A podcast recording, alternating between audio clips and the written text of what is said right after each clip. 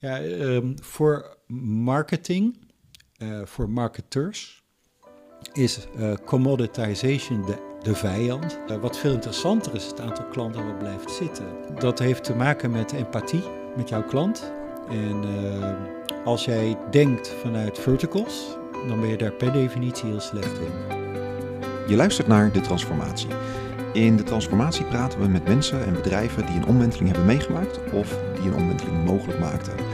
Uh, digitale transformatie van analoog naar digitaal, van product naar dienst, van cost leadership naar customer intimacy.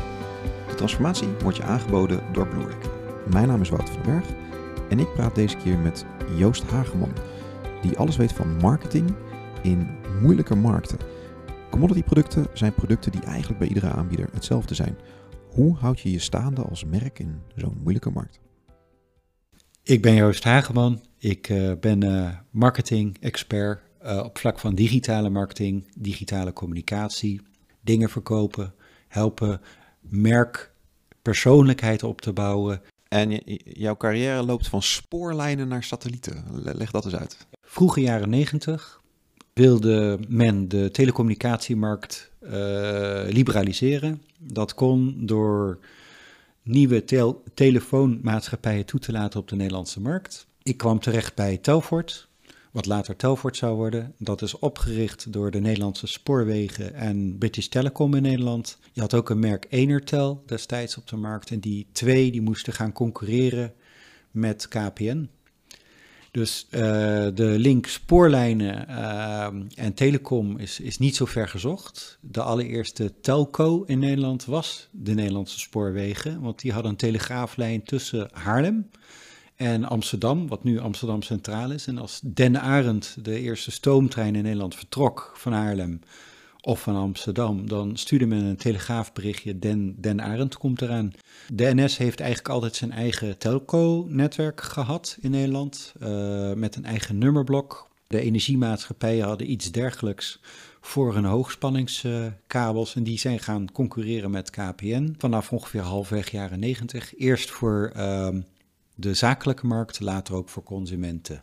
En wat je nu ziet, al die merken op de Nederlandse markt, uh, ja, die concurreren met elkaar en uh, houden het prijsniveau prettig laag. En dat kan door ja, uh, liberalisatie van de markt.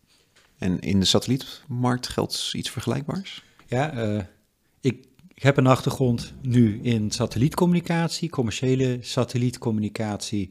Dat doen we vanaf 1965. Voor televisie, ook voor telefonie.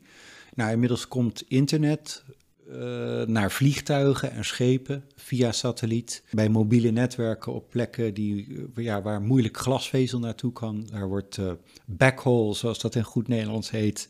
Het netwerkverkeer wordt ook wel via satelliet gedaan. Grote landen zoals Rusland bijvoorbeeld. Maar ook buurlanden zoals Duitsland, waar het duur is om overal glasvezel te hebben, zie je satellietcommunicatie wordt toegepast.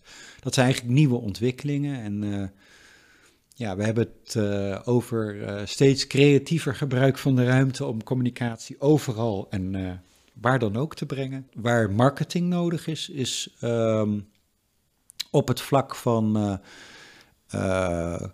het, het generieker worden van diensten. Het is heel lastig om een onderscheidende dienst te leveren als het gewoon een telecommunicatiedienst is. Dan moet je echt marketing inzetten om het merk en de soort van dienstverlening uh, te differentiëren, zoals dat heet. Nou, dus in mijn carrière ben ik daar eigenlijk nu al 22 jaar lang mee bezig. Bij Telfort, bij, uh, in de media-industrie, bij uh, M-Pesa, dat is een mobiel betaalsysteem, en, en, en in satellietcommunicatie. Kun je wat meer vertellen over M-Pesa? M-Pesa is de bank in de zak van gewone Afrikanen. En M-Pesa is een direct mobiel betalen systeem. Uh, stel, ik loop uh, in Kenia, ik heb een mobiele telefoon bij mij en ik heb een M-Pesa-account op mijn mobiel. Dan kan ik jou een betaling sturen.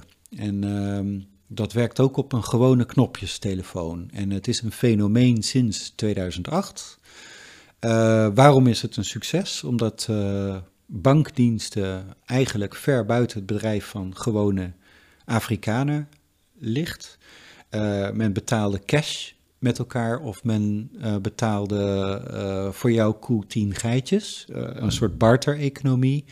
Nou, barter-economie hebben een nadeel. Dat is, dat is ontzettend veel frictie bij het ontstand komen van een transactie. En het is veel makkelijker als je elkaar gewoon 200 uh, Keniaanse shilling kan betalen voor een transactie dan dat je elkaar uh, ja, moet gaan onderhandelen over hoeveel geitjes de koe waard is. Dus uh, tussen 2008 en nu is M-Pesa zeg maar het manier, de manier geworden om elkaar te betalen en betaald te worden.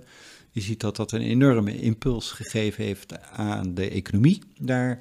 Aanverwante financiële diensten zoals microverzekeringen worden inmiddels ook uh, via M-Pesa betaald en men betaalt voor satelliet-tv tot en met uh, brommerritjes met ermee. Dus uh, ja, het is een systeem wat uh, als een olievlek zich is gaan verspreiden in de landen rondom Kenia. En dat zijn projecten die ik heb gedaan als consultant. En zij betaalden eerder met hun mobieltje dan wij? Ja, klopt. Ja. En wij zien nu diensten zoals TransferWise voor het overmaken van geld van het ene naar het andere land. Ja, uh, dat, dat zie je binnen Kenia, zie je dat als een moeder haar kind geld wil sturen, dan doen ze dat via M-Pesa. Ja. Wat je al een klein beetje aangaf, als je kijkt naar media, telecom, ook betaalproducten, dat wordt steeds meer commodity.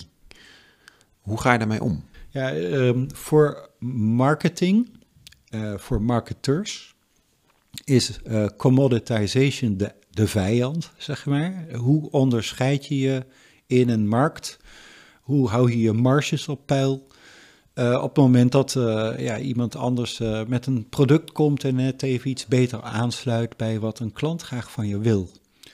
hoe komt het dat als je als bank slecht in het nieuws komt, omdat je een boete hebt gekregen of omdat je iets niet helemaal lekker hebt aangepakt, hoe, voorkom je dat uh, klanten die 20, 30 jaar bij jouw kind aan huis zijn geweest, weglopen naar een concurrent waarvan zij een iets prettiger beeld hebben? Dat heeft niet alleen met kosten te maken, maar dat heeft alles te maken met een merkgevoel. En uh, we zijn nu in een tijd waar uh, je nieuwe type diensten krijgt, al dan niet afgedwongen door regelgeving, waarbij mensen kritisch naar de diensten van hun bank of financiële instelling kijken. Denk ook aan verzekeren. Uh, er zijn, uh, de drempel wordt lager dan ooit. Kunnen online bij je concurrent zaken gaan doen. Dus, dus ja, um, als jouw financiële dienst zich niet in een gunstige manier en jouw merk zich niet op een prettige manier onderscheidt van wat jouw concurrent doet, ja, dan kun je wel inpakken. Dus ik kan me voorstellen dat een bank 24 keer 7 hiermee bezig is uh, geen fouten te maken, dat is heel belangrijk. En het beter te doen dan een concurrent, het liefst. Ja. En jij geeft aan dat met name bestaande klanten dan een punt van aandacht zijn. Nou, ik, ik, ik vind niet alleen nieuwe klanten heel relevant. Uh, in een volle markt waarbij iedereen al een dienst heeft, heb je een verdringingsvraag. Dus uh, klanten die jij verliest, krijgt een ander erbij. Uh, maar het totale aantal klanten in een markt groeit, maar beperkt misschien. Uh, ja, als je die groei wil hebben en je gaat uh, elkaar beconcurreren, bijvoorbeeld uh, een klassieker is concurreren op prijs. Hè? Dat, is een, dat zijn uh, ja, eigenlijk een soort prisoner dilemma-achtige problemen krijg je eigenlijk als, als, als aanbieder op de markt, op een volle markt. Je, je cannibaliseert je elkaars klantenbestand. Er zal, in een volle markt zal een beperkt aantal klanten altijd bereid zijn op zoek te gaan uh, naar een betere deal financieel. Maar uh, wat veel interessanter is, het aantal klanten wat blijft zitten. En uh, wat het kost om die tevreden te houden. stel dat de kosten om een nieuwe klant te winnen hoger zijn dan je bestaande klanten tevreden te houden en uh, de omloopsnelheid waarmee je klanten verliest zo laag mogelijk te houden. Dat zijn hele interessante vraagstukken. Churn in telecom is uh, eigenlijk een van de belangrijkste performance indicators, zou je kunnen zeggen. Waarom? Omdat het duur is om nieuwe klanten aan te trekken. En uh, je kan uitrekenen hoe duur of hoe goedkoop het is dat te doen. En bestaande klanten uh, en hun customer lifetime value zijn vaak onderschat. Dat is misschien omdat een marketer niet wordt afgerekend op het tevreden houden van bestaande klanten. Uh, het tevreden houden van bestaande klanten is eigenlijk ook gewoon keihard een taak voor de CMO. Maar die heeft niet altijd de invloed op hoe de organisatie operationeel klanten ontevreden maakt. Hoe moet je daarmee omgaan? Nou ja, de, de CMO heeft een, eigenlijk de functie om een helikoptervisie te hebben. Niet alleen op de externe communicatie in het geheel genomen, over alle verticals die een bedrijf zelf misschien intern heeft. Maar dit is, dit is het aloude probleem van de website lijkt op hoe de organisatie eruit ziet. met uh, een productmanagement in die vertical en een productmanagement in die vertical en ze praten niet met elkaar. Terwijl vanuit het perspectief van een klant een heel ander soort presentatie veel gewenster is. Dat sluit beter aan bij wat een klant wil en verwacht van een merk. De, eh, de drempel wordt misschien wel onnodig hoog gemaakt door de interne uh, structuur uh, op te dringen aan een klant. En ook de incentives intern in je eigen organisatie kunnen contraproductief werken als je, als je naar je eigen merk zou kijken van buitenaf bezien. En daar vind ik dat de CMO de prachtige taak heeft om uh, advocaat van de duivel te spelen. Eigenlijk te zeggen van nee, als je het zo aanpakt, dan hebben wij een consistenter merkbeeld. De merkpersoonlijkheid past meer bij wat een klant van ons verwacht. En uh, ideaal gesproken, als deze CMO meet wat hij doet, hè, dan kan hij ook aantonen van je uh, stijgende lijn omzet. Uh, over alle verticals. Of ja, we zien een wat vertical waarin de business lifecycle, uh, zeg maar, denk aan spraaktelefonie, hè, waarin de business lifecycle toch duidelijk afloopt. Maar gelukkig wordt dat gecompenseerd door, ik noem maar een dwarsstraat, revenue in de, het aantal films wat we verkopen. Wat we ook doen tegenwoordig. Ja. En, en films, uh, net zoals M-Pesa, dat is ook een, een over-de-top dienst, zoals ze dat in telecom noemen. Dus het maakt gebruik van. Ja. Dat zie je in andere branches ook gebeuren, dat het kernproduct, uh, in dit geval data, nou bij een bank zijn dat transactiediensten, dat die eigenlijk door nieuwkomers ook worden gebruikt voor andere toepassingen. Ja, en dat moet. En dat is zelfs een uh, verplichting uh, vanuit Europa. Je moet uh, transactiegegevens delen als jouw klant daarom vraagt met een derde partij. Nou, dat is natuurlijk keihard vloeken in de keuken als je bank bent. Als bank kan je daar bang voor zijn, zou je kunnen zeggen. Ik denk dat het ook kansen biedt trouwens. Het, het zal in ieder geval de boel opschudden dat dit gebeurt. Ik vind de extra diensten die je kan verkopen, die bijdragen aan het resultaat. En dan heb je uit de telecomsector heb je average revenue per user of nog mooier average revenue per account, ARPA. Alles wat die verkoopwaarde verhoogt, uh, de revenue per customer verhoogt, is het lekkere suikerlaagje wat over jouw cake heen zit. Uh, dat is waar je als telecommer terwijl je generieke diensten verkoopt, eigenlijk de extra verdiensten mee binnenhaalt. Hoe laagdrempeliger, hoe soepeler je dat kan insteken, hoe beter dat is. Maar sommige processen zijn ook gewoon heel moeilijk. Denk aan een overlijden dat gebeurt en een nabestaande belt op en die wil over vijf verticals iets geregeld krijgen. Ja, ja dat, dat heeft te maken met empathie met jouw klant. En uh, als jij denkt vanuit verticals, dan ben je daar per definitie heel slecht in. Dus je zou verwachten, dan komen we weer terug bij wat is de rol van de CMO in een organisatie. Je moet eigenlijk al zijn productmanagers voor de verticals bij, uh, bij elkaar zetten en zeggen van jullie hebben allemaal te maken met overlijdens. Wat zou nou het beste pad zijn voor iemand die hier snel, op een prettige manier, sowieso uh, zo min mogelijk, uh, met zo min mogelijk belasting voor de persoon een proces kan beginnen waarbij we rekening houden met nou, het verlies van, uh, van de partner van zo'n persoon, hoe we dat het beste begeleiden, zo'n proces. Nou, dan, dan, dan, dan hoort de productmanager voor uh, betaaldiensten samen te werken met die van verzekeren, met die van, noem maar een dwarsstraat, de sleutel de sleutelophaalbeldienst, weet ik veel wat, als je sleutels kwijt bent geraakt. Uh, hoe, hoe, steek je dat in dat uh, nabestaanden op een betrekkelijk eenvoudige manier kunnen, een overlijden kunnen afhandelen. Als je kijkt naar zo'n moeilijk proces, zoals een overlijden, dat komt ook niet zo gek vaak voor. Dat is misschien 1% van de klanten die dat overkomt. Als je dat verkeerd doet, dan maak je misschien een vijand voor het leven. Dus dat is een bestaande klant die ook niet meer terugkomt. Maar ja, er wordt toch vaak gesproken over de 80-20 regel. Hoe moet ik daarmee omgaan?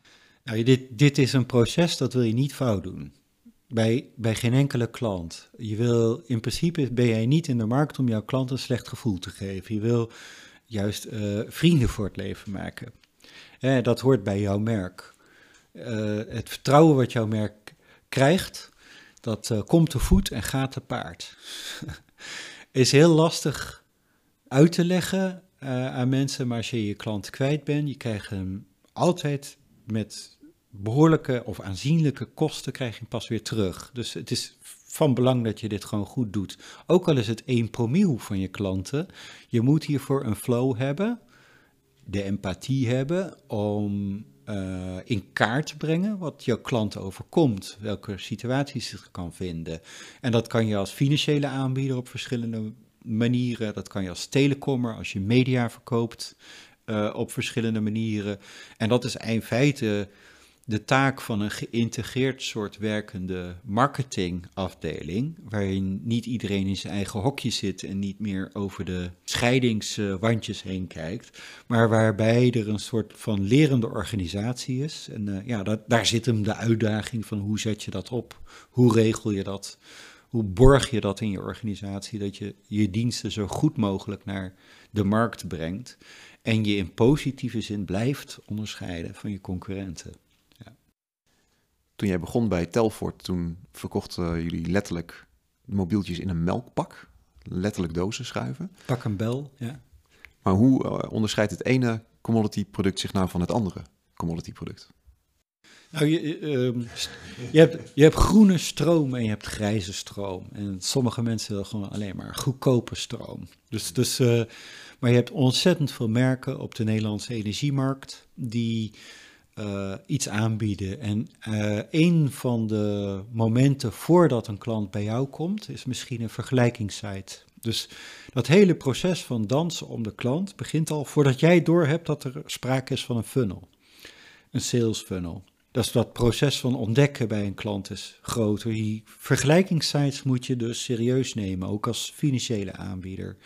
Uh, hoe generieker je dienst, hoe afhankelijker je bijna wordt.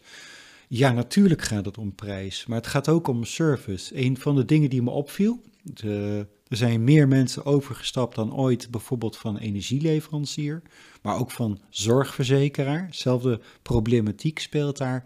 Dat is dat ze bij een vergelijkingssite kunnen aanvinken of uitvinden, vinken, en dat is dus de differentiator daar. Of er een applicatie moet zijn die jouw dagelijkse energieverbruik in dienst hoe heet dat, uh, bij de dienst geleverd moet worden.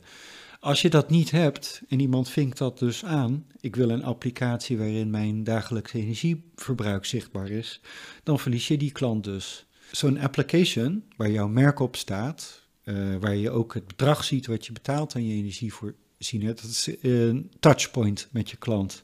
Heel belangrijk dat dat branded is en dat dat klopt niks ergers dan een niet kloppende rekening zien. Dat is ook niks wat meer stress geeft voor een klant. Dus in al zijn aspecten, in al die touchpoints met een klant, breng je een paar dingen over. De merkpersoonlijkheid, het goede gevoel dat de klant, als hij bij jou zit, eh, de beste beslissing heeft genomen. En dat is pure emotie. Dat hij uh, het idee heeft, ik krijg waarde voor mijn geld is heel belangrijk. Oh, en ik kan makkelijk zaken doen met deze mensen. Dat is ook wel heel erg fijn. Als ik eens een probleem heb, dan kan ik ze makkelijk bereiken. Ultra belangrijk als je in een markt zit die commoditiseert. Je hebt het gehad over een aantal markten waar dat aan de hand is. Dat uh, het product meer een commodity wordt, meer gemeengoed. Wat is voor jou de volgende markt? Voor mij persoonlijk? Oh, wauw heel veel bedrijven, ondernemingen, maar ook de overheid digitaliseren op dit moment. Uh, vaak zijn ze ermee begonnen, maar meer missen ze nog de visie om een diepte aan te brengen, om een betere relatie met hun klanten op te bouwen. Eh, ik ben daar heel goed in. Dus uh, ja, ik zie mezelf bij een. Ik zou graag in een non-profit bijvoorbeeld actief zijn of bij de overheid terechtkomen die dit ook doen. Dus bijvoorbeeld je belastingdienst is ook aan het digitaliseren en uh, zijn daar best wel serieus mee bezig. Dus bij zo'n soort organisatie zie ik mezelf wel landen. Ja.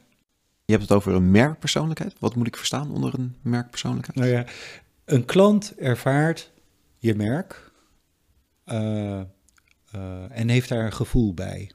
En je zou het, het is niet helemaal hetzelfde, maar kunnen vergelijken met een merkpersoonlijkheid. Is alsof je met een persoon te maken hebt die een bepaald karakter heeft. Dus als jij een merk hebt waar jij je thuis bij voelt, dan is een hele sterke band. Is een emotionele band. En uh, dat is wat je probeert op te wekken als je een generieke dienst in de markt zet, um, die, uh, die je iets extra's meegeeft. Het gevoel dat de klant de juiste beslissing heeft genomen. En dat hoeft helemaal niet zo te zijn, maar als jij een tientje extra per maand daarvoor wil betalen, dat is dan de waarde van je merk, je brand equity. Uh, ik denk dat in een commoditiserende markt, commoditiserende markt, uh, alles commoditiseert, uh, moet je daarover nadenken. Dat kan je mappen, onderdeel van de customer journey. Hoe onderscheid je je in zo'n moeilijke markt? Als, als, een, als een dienst in een markt wordt gezet die heel generiek is en het dus aankomt op, het, op je merk, ja, dat gaat je alleen lukken als je echt die klant heel goed probeert te begrijpen. Dus dan, dan doe je niet alleen concurrentieanalyse, maar je gaat echt proberen de, de, de klanten in al zijn facetten en de verschillende segmenten die je kan onderscheiden, uh, die moet je begrijpen. Die, die, je moet snappen, je moet die empathie hebben. En dat is best wel lastig voor grote organisaties om dat uh, zeg maar te, te doen, dat op te brengen. Wat moet ik doen om die klant echt in zijn hart te raken en uh, een mooie dienst te bieden? Je moet eerst de klant begrijpen, empathie opbrengen met je klant. Je moet snappen, uh, ook al is het in één promiel van de gevallen, als je het hebt over overlijden, bijvoorbeeld, uh, wat je het kan doen om het zo min mogelijk belastend voor de klant op te lossen. Het hoort bij het imago van je merk. En dat is eigenlijk een soort noblesse oblige, adel verplicht je klant het beste te verzorgen wat je kan. En eigenlijk moet je de kosten voor die zorg afzetten tegen wat kost het als die klant wegloopt. Eigenlijk meer dan de klant behouden. Dat is in vrijwel alle gecommoditiseerde markten het geval. Heb je nog een tip voor onze luisteraars? Ja, met je merk, je dienstverlening, je hele organisatie ben je erop ingericht een probleem van een klant te verhelpen of te voorkomen. En daar moet een klant zich zijn lang prettig bij voelen. Uh, dat is mijn tip. Zorg dat je klant blij blijft. Hartstikke bedankt. Graag gedaan. Bedankt voor het luisteren naar De Transformatie. De Transformatie wordt mede mogelijk gemaakt door Bloerik. Voor meer informatie over Bloerik en voor alle afleveringen van de Transformatie kijk je op detransformatie.info. Tot de volgende keer.